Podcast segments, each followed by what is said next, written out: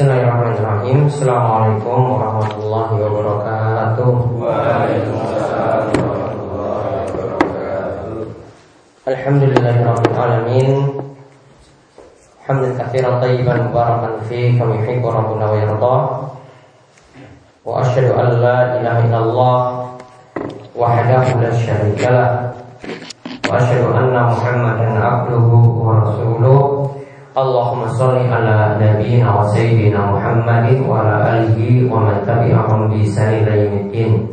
Allahumma anfa'na bima 'allamtana wa 'allimna ma yanfa'una wa zidna ilma. Alhamdulillah Baik uh, para jemaah sekalian kita bersyukur kepada Allah Subhanahu wa taala pada kesempatan subuh yang berbahagia ini kita dapat berkumpul di masjid yang mulia dapat menikmati taman-taman surga di mana taman-taman surga yang Nabi SAW itu katakan adalah ketika seorang itu berada dalam majelis ilmu dan mudah-mudahan kita selalu berdoa pada Allah Subhanahu wa taala kita dikaruniakan ilmu yang bermanfaat. Mungkin-mungkin kita diberi taufik untuk mengamalkan ilmu-ilmu tersebut dan kita terus diberikan kesehatan dan umur yang barokah sehingga kita dapat terus istiqomah dalam beribadah kepada Allah Subhanahu wa taala. Karena tujuan hidup kita sebagaimana yang Allah Subhanahu wa taala sebutkan dalam surat Al-Dzariyat ayat ke-56 Wa ma khalaqtul jinna wal insa illa liya'budun Tidaklah aku menciptakan jin dan manusia melainkan untuk beribadah kepadaku Yaitu kita diciptakan untuk beribadah kepada Allah Subhanahu wa taala.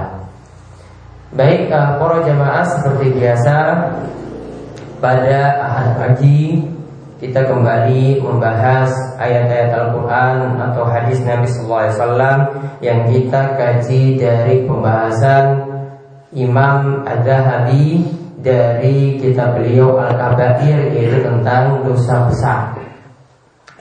Saat ini kita telah masuk pada dosa besar nomor 10 Ya kita sudah masuk pada dosa besar nomor 10 Halaman ke-36 di buku terjemahan. Kesempatan yang terakhir Kita bahas tentang dosa besar dusta atas nama Nabi Shallallahu Alaihi Wasallam di mana ketika kita membahas tentang dusta atas nama Nabi di situ telah kita kaji beberapa contoh hadis-hadis palsu, hadis-hadis yang lemah, hadis-hadis yang dhaif yang itu tidak perlu kita amalkan. Dan juga ada yang dari sisi periwayatan itu lemah sehingga kita juga tidak boleh meyakini hadis tersebut dari Nabi Wasallam. Seperti yang kami contohkan, misalnya hadis utlubul ilma walau miskin, tuntutlah ilmu sampai ke negeri Cina.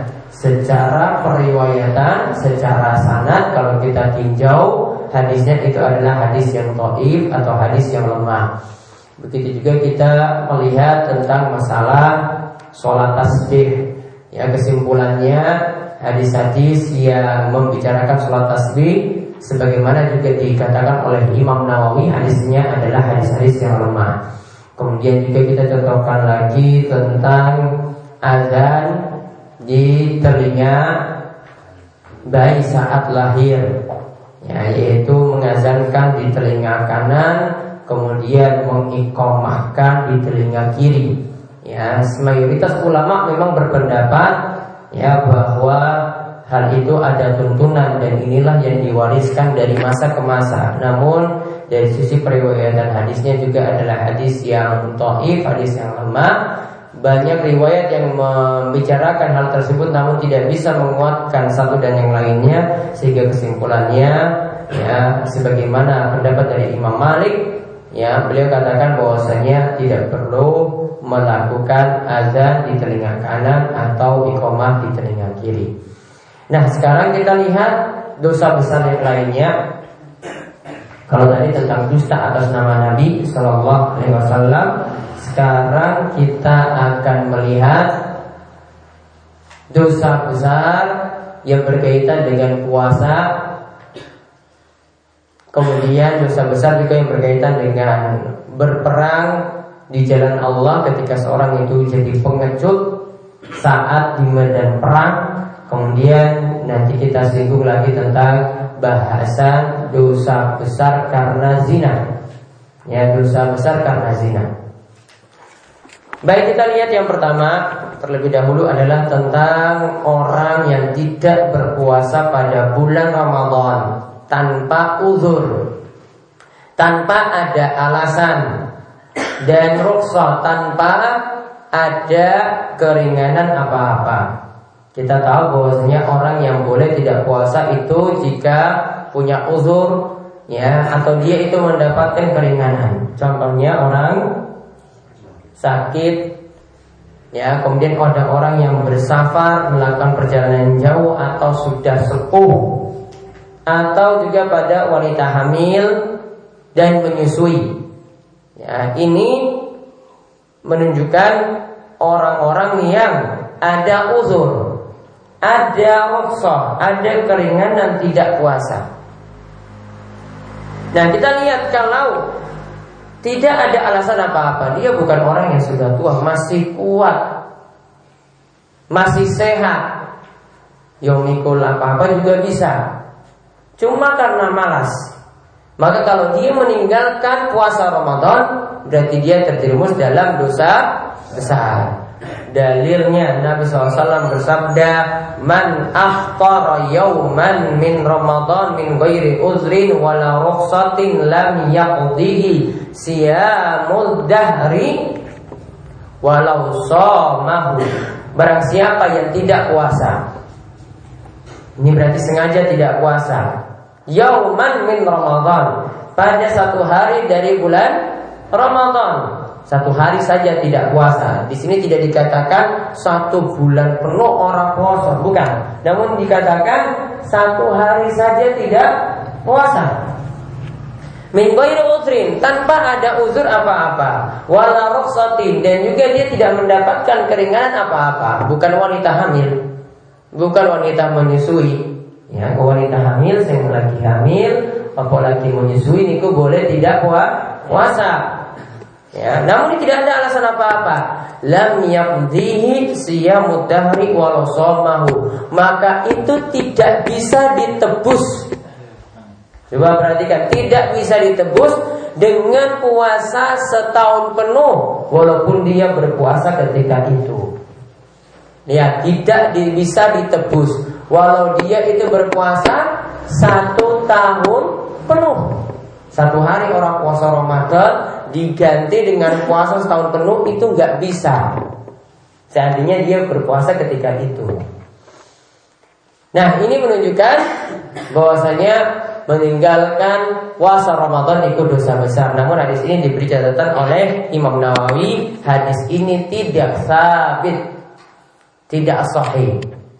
Ya, namun walaupun tidak sahih di sini Imam Nawawi tetap menyebutkannya, tapi hadis ini berada di dalam ranah atau masih dalam ruang lingkup pembahasan hadis-hadis yang sahih yang lainnya. Ada hadis-hadis yang sahih atau ayat Al-Qur'an yang mengancam seperti itu pula, ya, tetapi ya, yang hadis yang kita bahas ini hadis yang dhaif. Namun beliau sebutkan cuma untuk menunjukkan ancaman. Seandainya ada yang meninggalkan satu hari puasa saja, itu tidak bisa diganti walau dengan puasa setahun penuh. Padahal bapak sekalian boleh nggak kita puasa setahun penuh? Orang toleran loh ini. 365 hari. Nggak boleh. Ya. Itu puasa di antara puasa yang terlarang. Jadi di antara puasa yang terlarang jadi diingat. Hari Idul Fitri satu Syawal, hari Idul Adha, sepuluh Zulhijjah. Yang nomor telu hari-hari tasyrik tanggal 11, 12, 13 Zulhijjah bulan besar kemarin. Ya, jadi satu hari setelah Idul Adha atau dua hari setelahnya atau tiga hari setelahnya tidak boleh puasa meskipun niatannya puasa Senin Kemis pas hari Senin atau niat puasa Daud atau mungkin ada yang niatan puasa Ayyamul Bid pas dengan hari Kamis atau hari Senin. Walaupun itu sudah jadi rutinitas, namun ini karena bertepatan dengan hari Tasrik. Hari Tasrik itu hari yang tidak boleh puasa karena Nabi SAW katakan ya bahwasanya yaumu tasyrik ayyamu tasyrik yaumu aklin wa syurbin. Hari-hari tasyrik itu adalah hari makan dan minum. Dagingnya masih banyak. Oh, tekan saya itu wae urung entek gitu. Apa wis entek kabeh? Hah? Wis entek.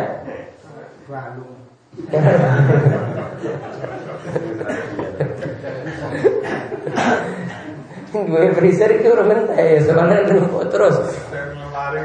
Nah, dan hari tasyrik itu saya sudah katakan bahwasanya disebut hari tasyrik karena ketika itu daging-daging niko dikeringkan, dipepet di terik matahari, ya di hari-hari tasyrik. Makanya hari tasyrik itu disebut hari tasyrik karena daging-daging niku diawetkan. Itu kenapa disebut hari tasyrik? Karena tasyrik itu artinya kita buat dendeng. Tahu dendeng? Nih. Misalnya itu ada yang dari daging rusa, atau dari daging sapi, ya. Itu dipepet di panas matahari kemudian jadi kering. Nah, itu bisa diawetkan jadi makanan yang awet beberapa hari ke depan. Nah itu kerjaannya orang-orang dahulu di masa Nabi SAW Jadi di masa-masa Islam dahulu ya itu dagingnya dikeringkan makanya disebut tasyrik karena tasyrik itu artinya seperti itu ya itu intinya itu hari kita masih dibolehkan makan dan minum belum boleh melakukan puasa sunnah nah ini tiga hari yang dilarang puasa ditambah lagi puasa satu tahun penuh itu nggak boleh. Yang paling maksimal kita lakukan puasa Daud. Puasa Daud itu gimana?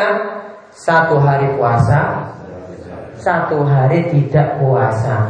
Niku kata Nabi, wes maksimal. Gak boleh puasa Daud ditambah Senin Kemis itu nggak boleh. Gak boleh. Ya jadi kalau misalnya wes puasa Daud, nggak boleh lagi tambah Senin Kemis lagi saya mau puasa gimana? Nggak boleh. Niku wis paling maksimal. Kalau sudah puasa Daud tidak boleh lakukan puasa yang lainnya lagi. Itu sudah paling maksimal. Nah, kemudian kita lihat tentang masalah puasa.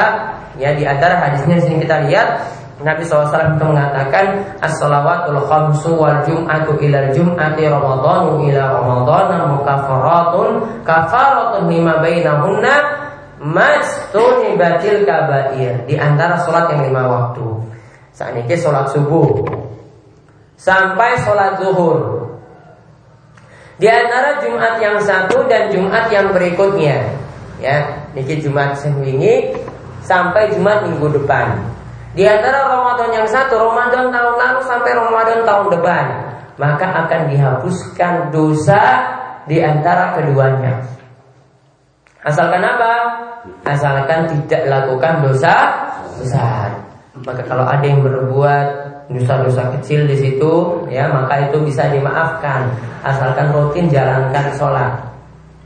Bisa dihapuskan lagi asalkan rutin menjalankan sholat Jumat. Namun sholat Jumatnya ya bukan hanya sholat Jumat saja, namun tetap juga sholat lima waktu.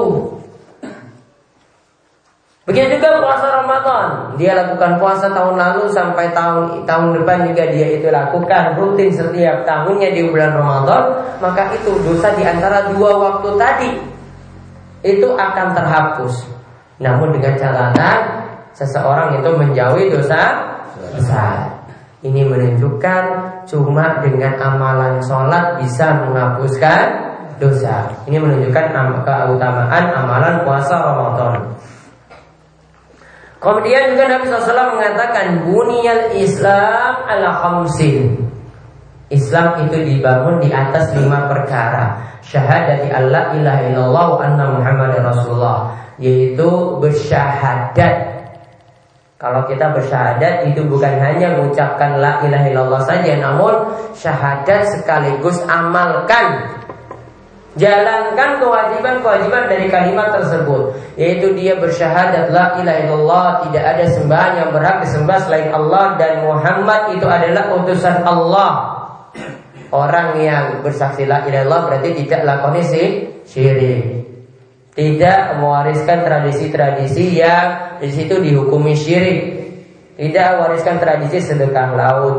Tidak mewariskan tradisi sesajenan. Tidak mewariskan tradisi-tradisi yang lainnya. Misalnya berdoa kepada orang yang ada dalam kubur. Ataupun bentuk ibadah-ibadah yang lainnya. Satu ibadah saja Ya, yang dimaksudkan orang itu berbuat syirik yang membuatnya kekal dalam neraka adalah jika dia memalingkan satu ibadah saja. Walaupun dia itu rajin sholat, walaupun dia itu rajin puasa. Satu waktu dia berbuat syirik tidak bertobat, berarti kekal di dalam neraka. Kata Nabi SAW, "Man mata wa Siapa saja yang mati dalam keadaan berbuat syirik. Ya, dalam keadaan berbuat syirik artinya sampai mati ki orang bertobat. Urung bertobat. Namun kalau sudah bertobat berarti apa? Selesai sudah dimaafkan. Allah memaafkannya. Namun kalau dia itu mati dalam keadaan itu berbuat syirik, nggak pernah bertobat, maka dia akan masuk neraka. Dia berbuat syirik, berdoa kepada selain Allah, beribadah kepada selain Allah, dia akan masuk neraka. Berarti setiap orang yang pernah berbuat syirik kudu bertobat. bertobat. Ya kalau sudah bertobat itu dimaafkan. Dulu mungkin ada yang ingin lariskan dagangan, ingin berbuat, ingin uh, membuat yang lain itu kepincut, ya bojone tambah sayang terus. Yang jawab ngangge pelet, ngangge apa meneh. Ya, pokoknya yang bisa memikat seperti itu. Nah, ini termasuk juga perbuatan syirik yang wajib bertobat. Begitu juga kalau dia itu bersyahadat, tidak ada dia bersyahadat bahwasanya Nabi Muhammad adalah utusan Allah.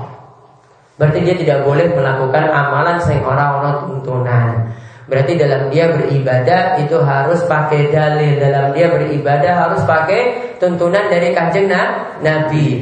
Yang sering saya contohkan misalnya dalam ibadah kurban. Kita punya waktu untuk berkurban itu ada waktunya. Yaitu setelah sholat idul adha. Seandainya ada yang berkurban punya niatan baik seperti yang dilakukan oleh Abu Burda saya ingin berkurban wahai Rasulullah SAW Namun saya sembelih sebelum orang-orang itu sholat Biar saya bisa sarapan pagi namun Nabi SAW mengatakan apa? Wahai Abu Burda, syatuka syatulahmin. Wahai Abu Burda, kambingmu itu daging kambingmu itu cuma daging biasa. Orang dianggap daging kurban, sia-sia. Ya. Dagingnya tetap halal. Namun apa? Tidak dinilai sebagai ibadah kurban itu cuma jadi daging biasa meskipun juga dia sembelih sampai sapi lima ekor sekalipun kalau dilakukan sebelum waktunya ini tidak ada tuntunan Cuma dianggap ibadah biasa, cuma dianggap ya daging biasa, tidak dianggap sebagai daging kurban. Maka demikian juga kalau kita lakukan sholat orang ngangge tuntunan, lakukan zikir orang ngangge tuntunan, mau Quran tidak pakai tuntunan, jadi sia-sia. Tidak dianggap sebagai ibadah yang mulia, gara-gara ibadah tersebut tidak didasari tuntunan dari kanjeng Nabi. Kemudian wa sholat. Islam juga dibangun di atas lima perkara Di antaranya adalah sholat Berarti orang Islam kalau dia mau disebut muslim Maka harus mengerjakan sholat Kemudian menunaikan zakat Berapa persen zakatnya? Berapa persen?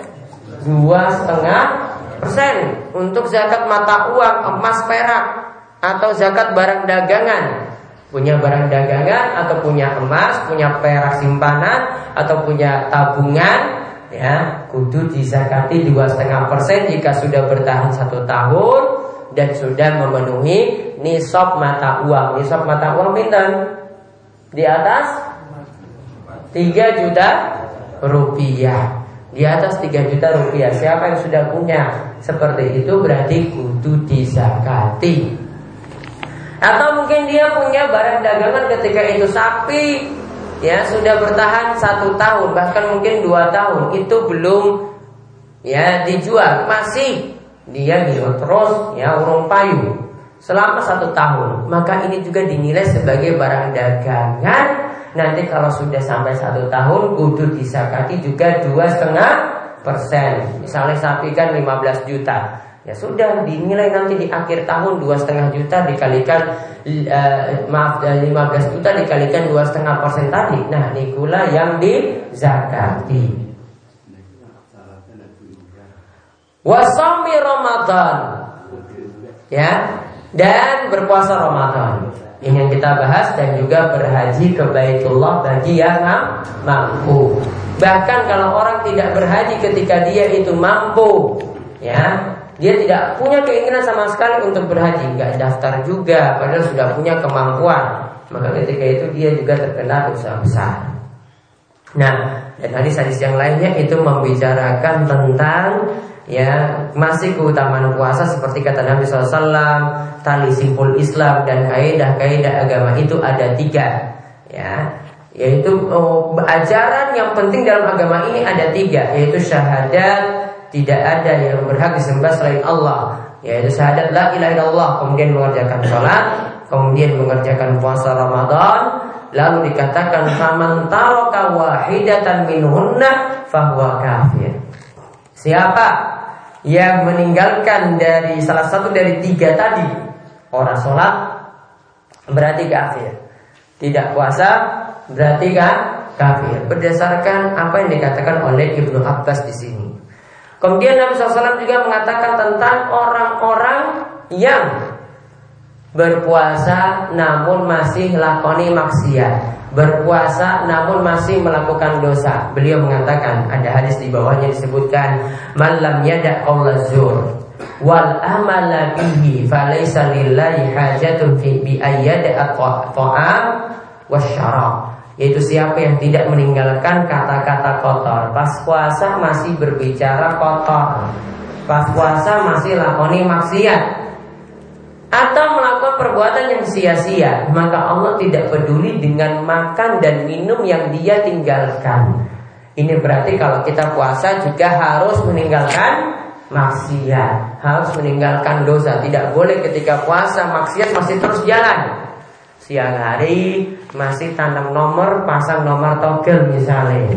Siang hari masih lihat gambar-gambar yang itu gambar-gambar yang tidak pantas untuk dilihat gambar-gambar porno.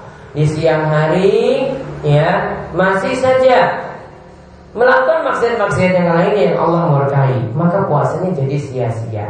Kemudian hadis yang terakhir tentang masalah puasa Imam Zahabi mengatakan Ragiba'an kumri'in adraka syahra Ramadan Falam yukfar lahu sia sungguh hina. Ada orang yang dapati bulan Ramadan namun sayang dia tidak mendapatkan ampunan dosa apa-apa. Karena bulan Ramadan niku perlu ampunan Dari amalan puasa bisa menghapuskan dosa Dari amalan sholat malam Sholat tarawih bisa menghapuskan dosa Dari amalan yang dilakukan di malam Lailatul Qadar juga bisa menghapuskan dosa Kok ada orang yang keluar dari bulan Ramadan tidak dapat ampunan? Berarti orang itu benar-benar merugi. Nah terakhir Imam Zahabi itu katakan kalau siapa meninggalkan puasa Ramadan itu sama saja dengan melakukan perbuatan zina. Artinya dosanya itu dosa besar sama dengan zina. Bahkan lebih parah daripada zina lebih parah daripada orang yang minum minuman keras, lebih parah daripada orang yang membunuh orang lain. Kalau tidak berpuasa Ramadan ini lebih parah daripada dosa besar yang lainnya.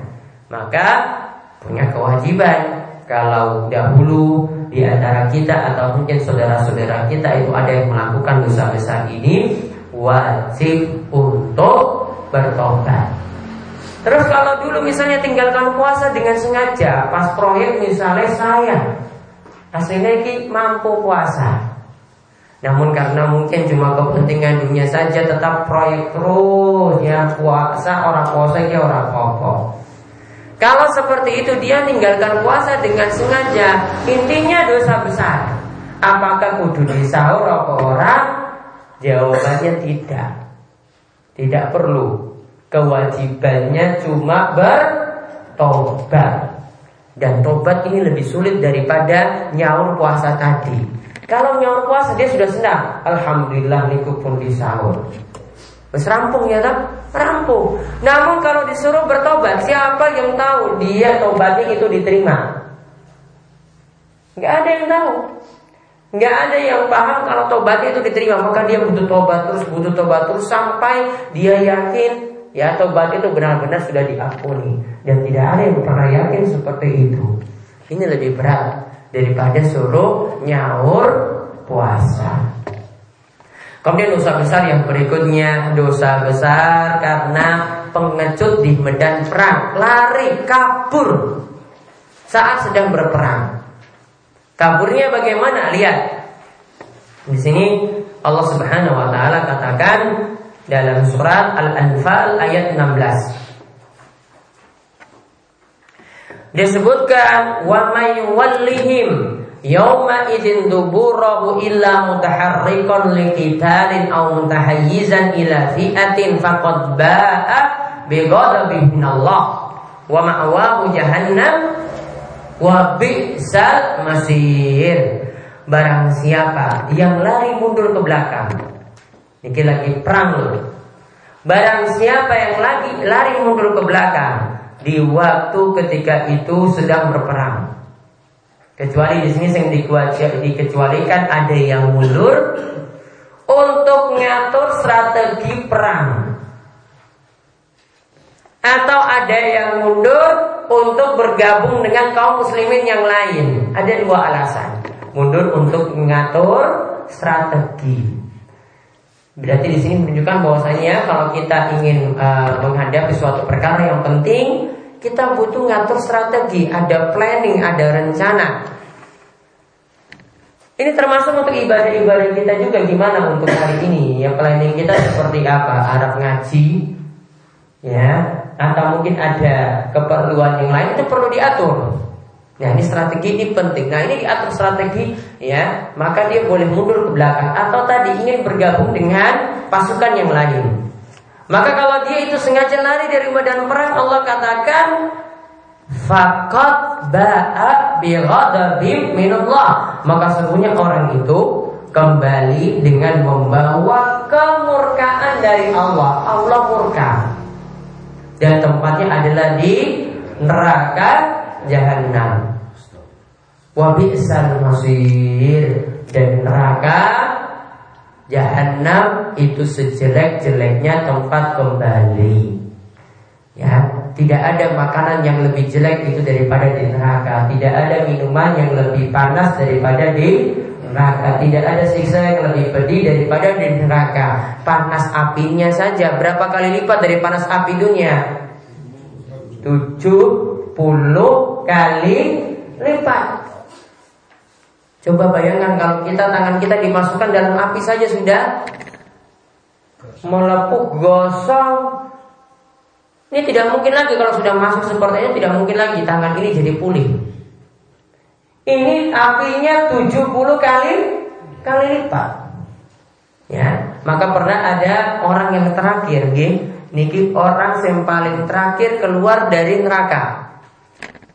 Masuk surga. Maka di sini keyakinan yang benar kalau ada muslim yang masuk neraka berarti masih bisa keluar dari neraka. Jadi kalau ada pemahaman yang katakan kalau ada muslim yang sudah masuk neraka tidak bisa keluar-keluar lagi, ini pemahaman keliru, pemahaman sesat. Menyelisihi akidah al-sunnah wal jamaah. Para ulama itu membuat prinsip ini akidah dasar, akidah yang disepakati oleh para ulama. Siapa saja muslim yang masuk neraka selama masih punya iman. Oke, selama masih punya iman walaupun kecil dia nanti keluar dari neraka juga nanti ketika dosa-dosanya itu sudah dibersihkan. Jadi tidak boleh punya keyakinan kalau ada muslim masuk neraka kekal dalamnya. Orang itu metu tetap masih bisa. Maka lihat ya Sisa neraka itu ada yang baru terakhir ini paling terakhir keluar dari neraka masuk surga. Maka ketika itu dia ditanyakan, gimana dengan kenikmatan yang dulu kamu dapat di dunia? Ya, atau siksa dulu yang kamu peroleh di dunia. Ada cobaan-cobaan yang pedih, ada siksa-siksaan yang pedih ketika itu, ada musibah yang besar ketika di dunia. Sekarang bandingkan dengan siksa yang kamu peroleh sebentar dalam neraka. Ini tinggal selamanya loh. Siksa yang kamu peroleh sebentar di dalam neraka. Gimana perasaanmu? Waduh, tidak ada bandingannya. Musibah, siksa, cobaan yang ada di dunia. Di neraka itu begitu pedih siksanya. Ya di neraka itu begitu pedih siksanya. Dia nggak mau banding-bandingkan seperti itu. Sangat-sangat jauh bandingannya siksa dalam neraka dengan cobaan atau ujian yang dia peroleh di dunia. Maka ketika itu dia ditanya, sekarang kamu minta, minta bayangkan sekarang surga itu yang kamu pingin seperti apa? Disuruh apa? Bayangkan. Kalau kita bayangkan kan biasanya surga itu sebatas yang kita tahu di dunia. Ya, pingin punya mobil, mobil yang paling mewah, pingin punya istana, yang istananya cuma dalam pikiran kita sih istananya seperti itu. Pingin makanan yang enak-enak, pingin minuman yang enak-enak. Maka Allah katakan, ini untuk yang terakhir masuk surga loh. Baru keluar dari neraka. Apa yang kamu bayangkan tadi? Surga masih 10 kali lipatnya. Surga masih 10 kali lipatnya. Jadi kalau dia bayangkan gelas di surga seperti itu, masih 10 kali lipatnya lagi.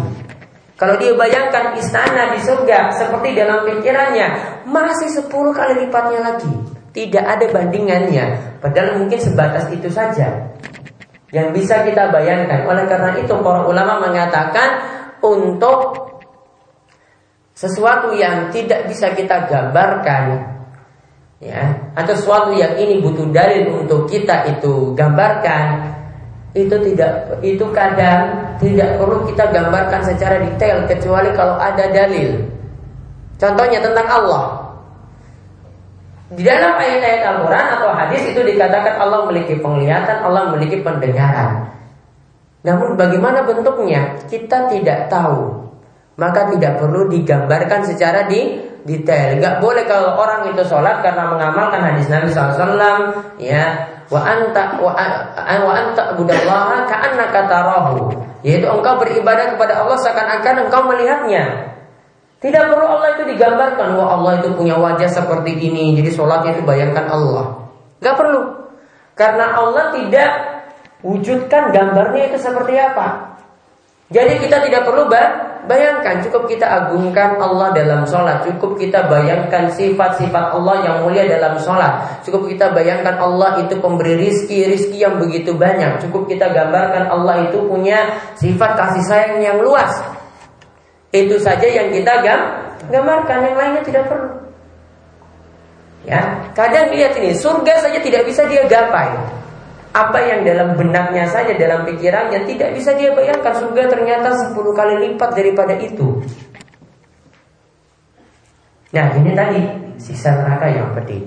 Dan juga menunjukkan melarikan diri dari medan pertempuran itu dosa besar. Dalam hadis disebutkan Nabi katakan istani busar al mubiqat jauhilah tujuh dosa besar. Di antaranya sini disebutkan ya atawali yaumaz zahfi yaitu lari dari medan perang.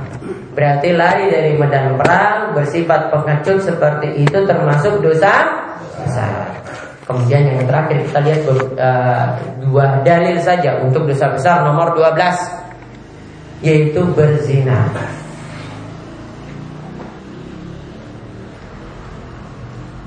Di sini dikatakan sebagian zina itu lebih besar dosanya daripada zina yang lain. Karena nanti di akhir pembahasan Imam Zahabi nanti akan menyebutkan kalau orang itu berzina dengan orang yang jauh.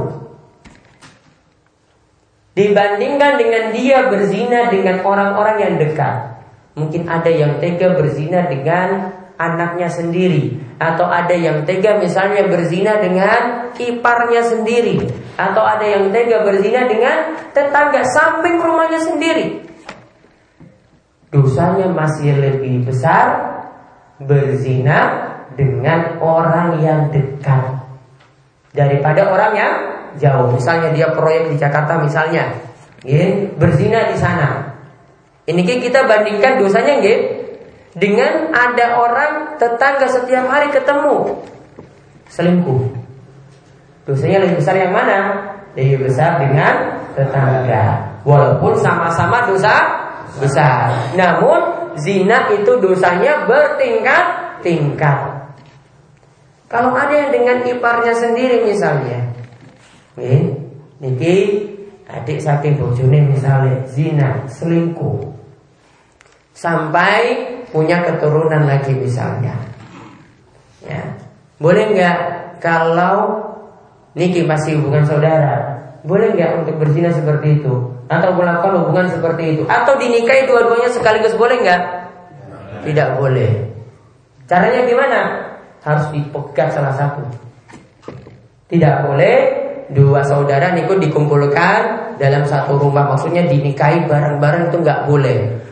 Walaupun ya dia tuh senang dengan dua-duanya sekaligus tidak boleh. Statusnya apa? Zina. Kalau tetap ada nih Ternyata ada yang ingin dinikahi menikahi dua-duanya sekaligus. Berarti zina. Ada yang dinikahi pertama, nah itulah yang sah dengan yang kedua inilah yang statusnya zina terus. Ya, statusnya itu zina. Dosanya gimana? Lebih besar daripada orang yang tadi selingkuh di tempat yang jauh. Dosanya lebih besar, zinanya lebih besar daripada orang yang selingkuh dengan wanita lain yang jauh. Nah tentang dosa zina Allah Subhanahu wa taala katakan wala taqrabu zina innahu kana fahisyatan wa sa'a sabila. Janganlah kalian mendekati zina karena zina itu termasuk perbuatan keji dan sejelek-jeleknya jalan. Wasa asabila, sejelek-jeleknya jalan. Ini jalan-jalan yang sesat. Di sini ada beberapa pengertian di sini. Yang pertama, jangan dekati zina. Lihat Allah tidak katakan jangan lakukan zina. Namun cuma apa? Jangan dekati. Kalau misalnya di sini, niki ada area proyek bahaya untuk didekati kan biasanya ada pelang ditulis. Jangan dekat-dekat area proyek. Kalau ada yang bilang, wah yang nggak boleh kan dekatnya, masuk nggak apa-apa. Gimana orang ini? Edan apa biye? Edan ya dekat saja nggak boleh. Kalau ada yang masuk, wah ini kan cuma tulis jangan dekat. Kalau zina kita lakukan nggak apa-apa. Nah ini kan berarti nggak nggak masuk akal. Kalau dekat saja nggak boleh berarti zinanya sendiri itu tidak boleh. Sama dengan tadi. Jadi jangan pakai logika lagi. Wah ini kan cuma ditulis wah ini. Jangan dekat-dekat. Kalau masuk nggak apa-apa. Nah ini kan berarti mau dan nih orang paham, idiot. Ya. Idenya itu ya, idiot. Wes dan ini. Kalau idiot tuh masih mending masih bisa pikir, tapi ya stres punya orangnya. Nah ini orang stres. Mau dibilang jangan dekat, ya malah masuk. Ya, ini sama. Kalau dibilang jangan dekat zina, bukan berarti zinanya itu boleh dekat saja tidak boleh, apalagi sampai dilakoni.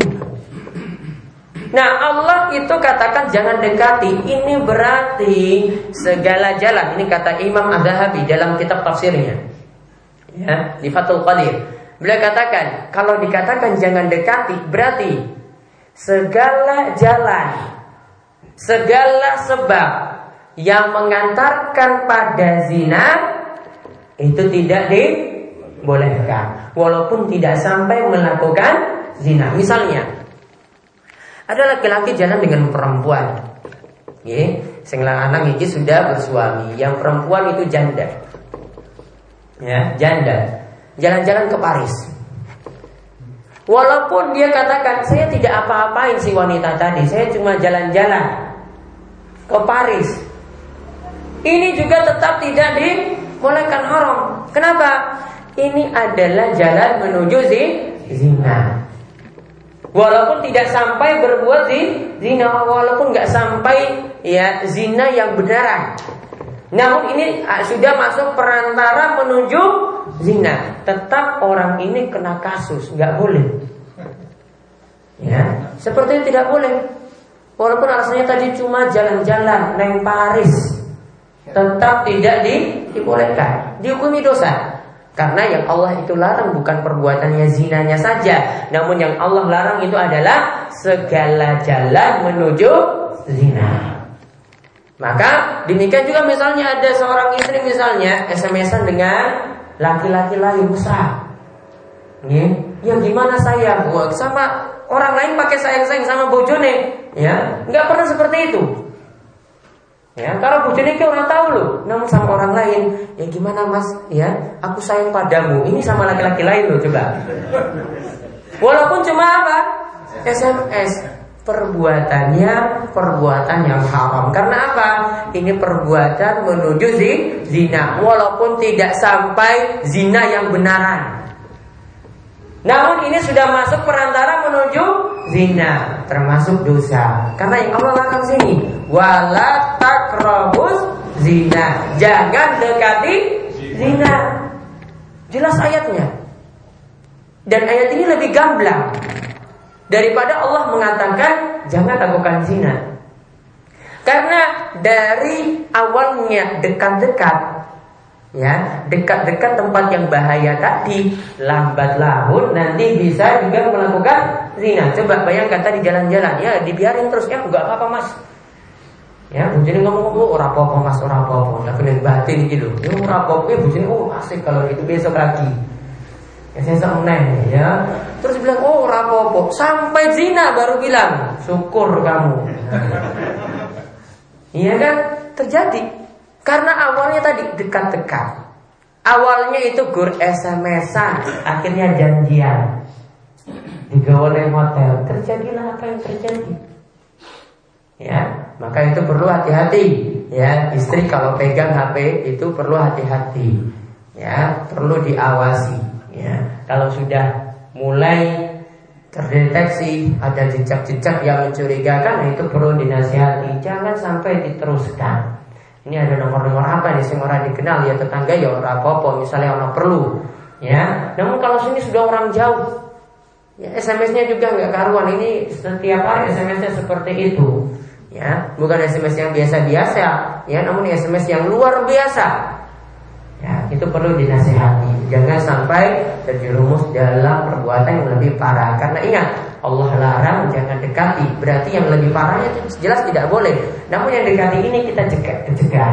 Jangan sampai terjerumus pada yang lebih parah. Dan di sini dikatakan zina itu adalah perbuatan yang keji dan suatu jalan yang buruk. Insya Allah dalil-dalil yang lainnya tentang masalah zina yang karena ini jadi masalah yang ya tersebar di tengah-tengah kita nih. Jadi kita perlu mendalaminya mana saja dalil-dalil yang tegas-tegas niku melarang zina, perbuatan-perbuatan zina dan juga nanti tentang dalil-dalil yang menunjukkan bahwa zina dengan orang yang dekat itu lebih parah daripada orang yang jauh. Nah, itu nanti juga akan kita jelaskan ada dalil-dalil yang nanti akan disebutkan oleh Imam Zahabi. Nah, ini kemauan bahasan kita pada pagi hari ini Ya mudah-mudahan Allah menjauhkan kita dari setiap dosa-dosa besar Menjaga keluarga kita, istri-istri kita dan anak kita Dari setiap dosa-dosa besar Lebih-lebih perbuatan zina Dan kita terus diberikan kebaikan Topik untuk melakukan kebaikan Dan juga dimudahkan dalam melakukan setiap atau segala macam ibadah. Ini kemauan Jika ada pertanyaan monggo. Ya monggo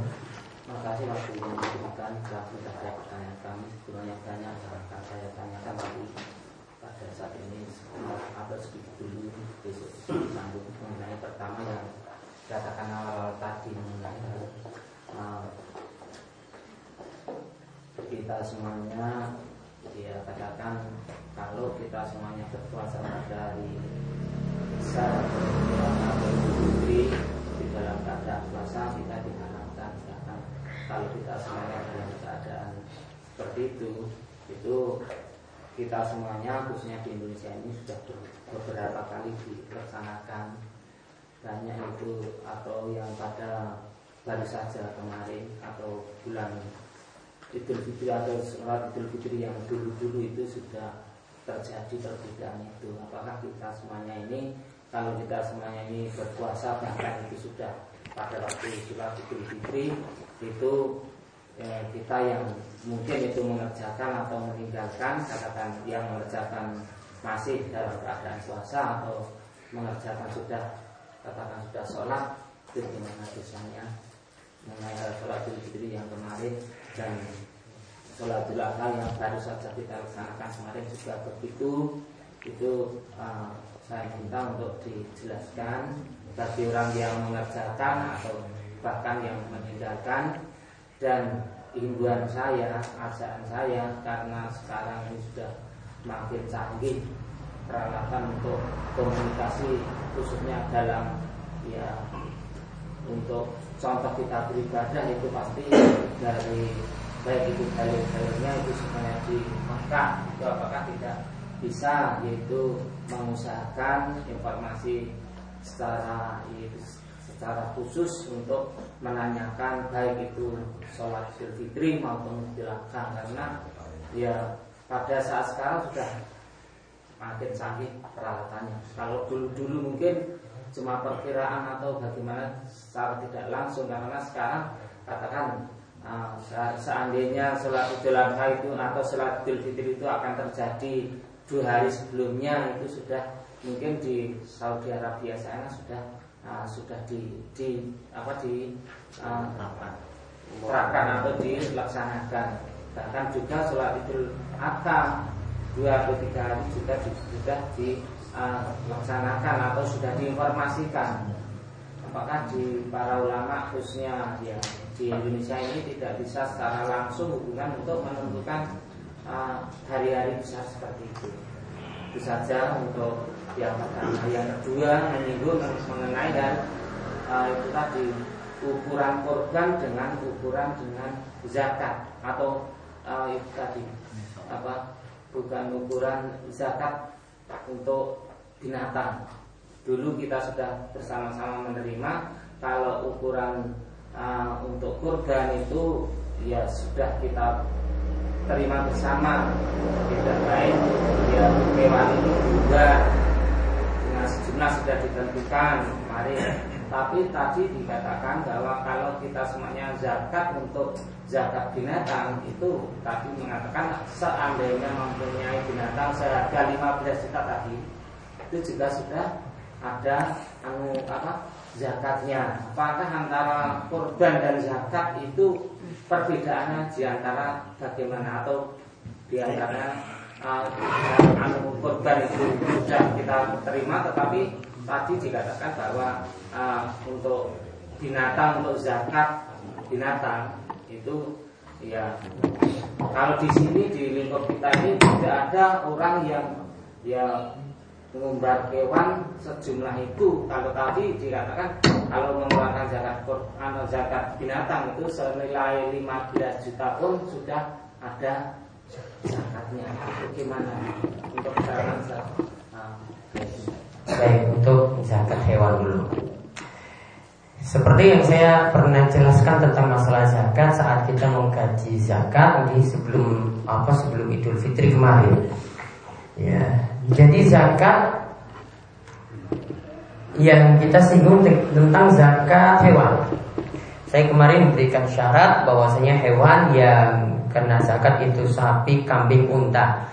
Namun di sini dipersyaratkan hewannya itu di digembalakan di padang rumput, orang dilepakan.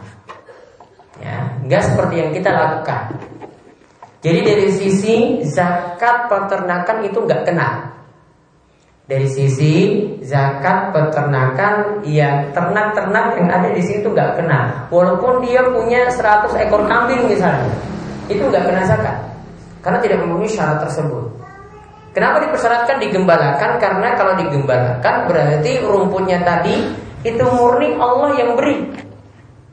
Dapat gratis. Dari yang dapat gratis inilah yang dikenai zakat. Nah, itu berat ah, dari sisi kalau dapat 40 sudah punya 40 kambing nanti punya zakat sendiri. Nah, ini nggak kena. Namun saya nilai semua ternak yang ada di sini itu bisa kena zakat. Kenapa? Karena nilainya sudah di atas nilai 3 juta. Kalau sapi nilainya sudah di atas nilai 3 juta. Itu kena zakat barang dagangan. Dia tidak fungsinya seperti pada zakat ternak tadi, namun fungsinya akan nanti tahun depan pas Idul Adha dijual lagi. Berarti sejak punya sapi tadi itu sudah diniatkan untuk barang dagangan sama seperti kita punya toko masukkan barang situ untuk dijual. Jadi ini sudah masuk barang dagangan. Maka tadi saya katakan kalau sapinya apalagi sudah wajar ada yang nilainya 10 sampai 20 juta, ya jelas-jelas terkena zakat. Yaitu berapa persen? 10,5 persen. Jadi nilainya nanti, misalnya bar kurban iki tuku tuku sapi, ya tahun depan belum dijual. Kalau sudah dijual ini beda lagi. Ini belum dijual, masih dimungut terus sampai tahun berikutnya lagi. Nah, ini sudah bertahan satu tahun. Ya, atau sudah bertahan satu tahun. Nilainya berapa? Sekarang beli 10 juta.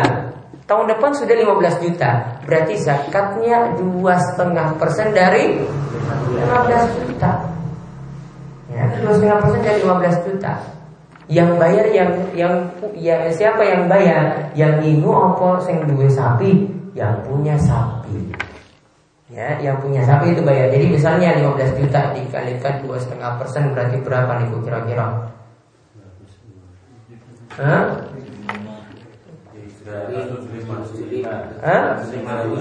Nah, cuma 375 ribu dari 15 juta. Nanti tahun depan lagi belum di luar dijual lagi sudah dua tahun belum jual lagi kena lagi zakat. Kalau sudah dijual, ya maka nanti uangnya ini kan berarti sudah berwujud uang. Nah uangnya inilah yang dizakati, bukan nilai sapinya, namun uangnya ini yang dizakati. Sudah bertahan satu tahun. Nah itu yang dimaksudkan dua setengah persen dari harga sapi tadi. Nah kemudian yang kedua tentang penentuan hari raya ya kalau misalnya uh, di sini ada yang berhari raya lebih dulu, lalu masih ada yang puasa baik mungkin puasa Ramadan atau puasa sunnah. Intinya puasanya masih tetap boleh dibolehkan ketika itu, tidak ada dalil yang melarang.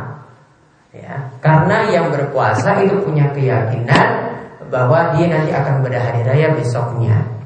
Intinya di sini ya kita banyak-banyak berdoa saja dengan adanya Menteri Agama yang baru Pak Lukman ya. Di sini beliau punya uh, cita-cita uh, yang bagus dengan merunding dengan ya para ulama yang ada di MUI ya dengan Pak Syamsuddin dan yang lainnya. Begitu juga di situ ada para pakar-pakar yang ahli dalam agama ya juga para pakar hisab. Mereka insya Allah akan menyatukan persepsi untuk ya penentuan hisab yang jadi satu. Artinya nanti cuma ada penentuan yang satu saja Ya memang sangat disayangkan sekali Satu-satunya negara di dunia yang punya hari raya dua itu cuma Indonesia Di Saudi itu nggak pernah Ya, di Saudi Arabia itu tidak pernah seperti itu. Cuma yang ngomong itu satu orang. Ya. Di negara lain Malaysia juga cuma yang berperan itu saja yang ngomong. Namun kalau di sini hari raya itu bisa tiga. Ada yang Sabtu kemarin, ada yang Ahad, ada yang Senin. Coba lihat, ada yang masih Senin masih sholat, ada yang mungkin ada yang Jumat lagi, ada yang sudah Jumat itu sholat lagi. Ya, Jumatnya itu sudah sholat. Jadi Jumat, Sabtu, Ahad, dan Senin. Ya, empat hari malahan coba. Empat hari raya kalau di Indonesia dapati. Jadi memang sangat disayangkan jumlah umat yang besar namun tidak bisa bersatu. Satu-satunya di dunia. Tidak ada di dunia lain, cuma di Indonesia saja. Ya, di Malaysia, Saudi Arabia, Brunei, mana pun itu seratak satu. Ya, satu-satunya itu cuma ada di sini. Ya, makanya bingung. Ya wajar seperti itu karena tidak ada penegasan dari pemerintah juga pemerintah belum berusaha untuk menyatukan. Jadi kita doakan saja mudah-mudahan ya ke depannya ya mungkin hari raya berikutnya itu sudah ditemukan satu titik persepsi yang sama ya pemikiran yang sama sehingga itu bisa disatukan di antara organisasi-organisasi yang ada di tanah air.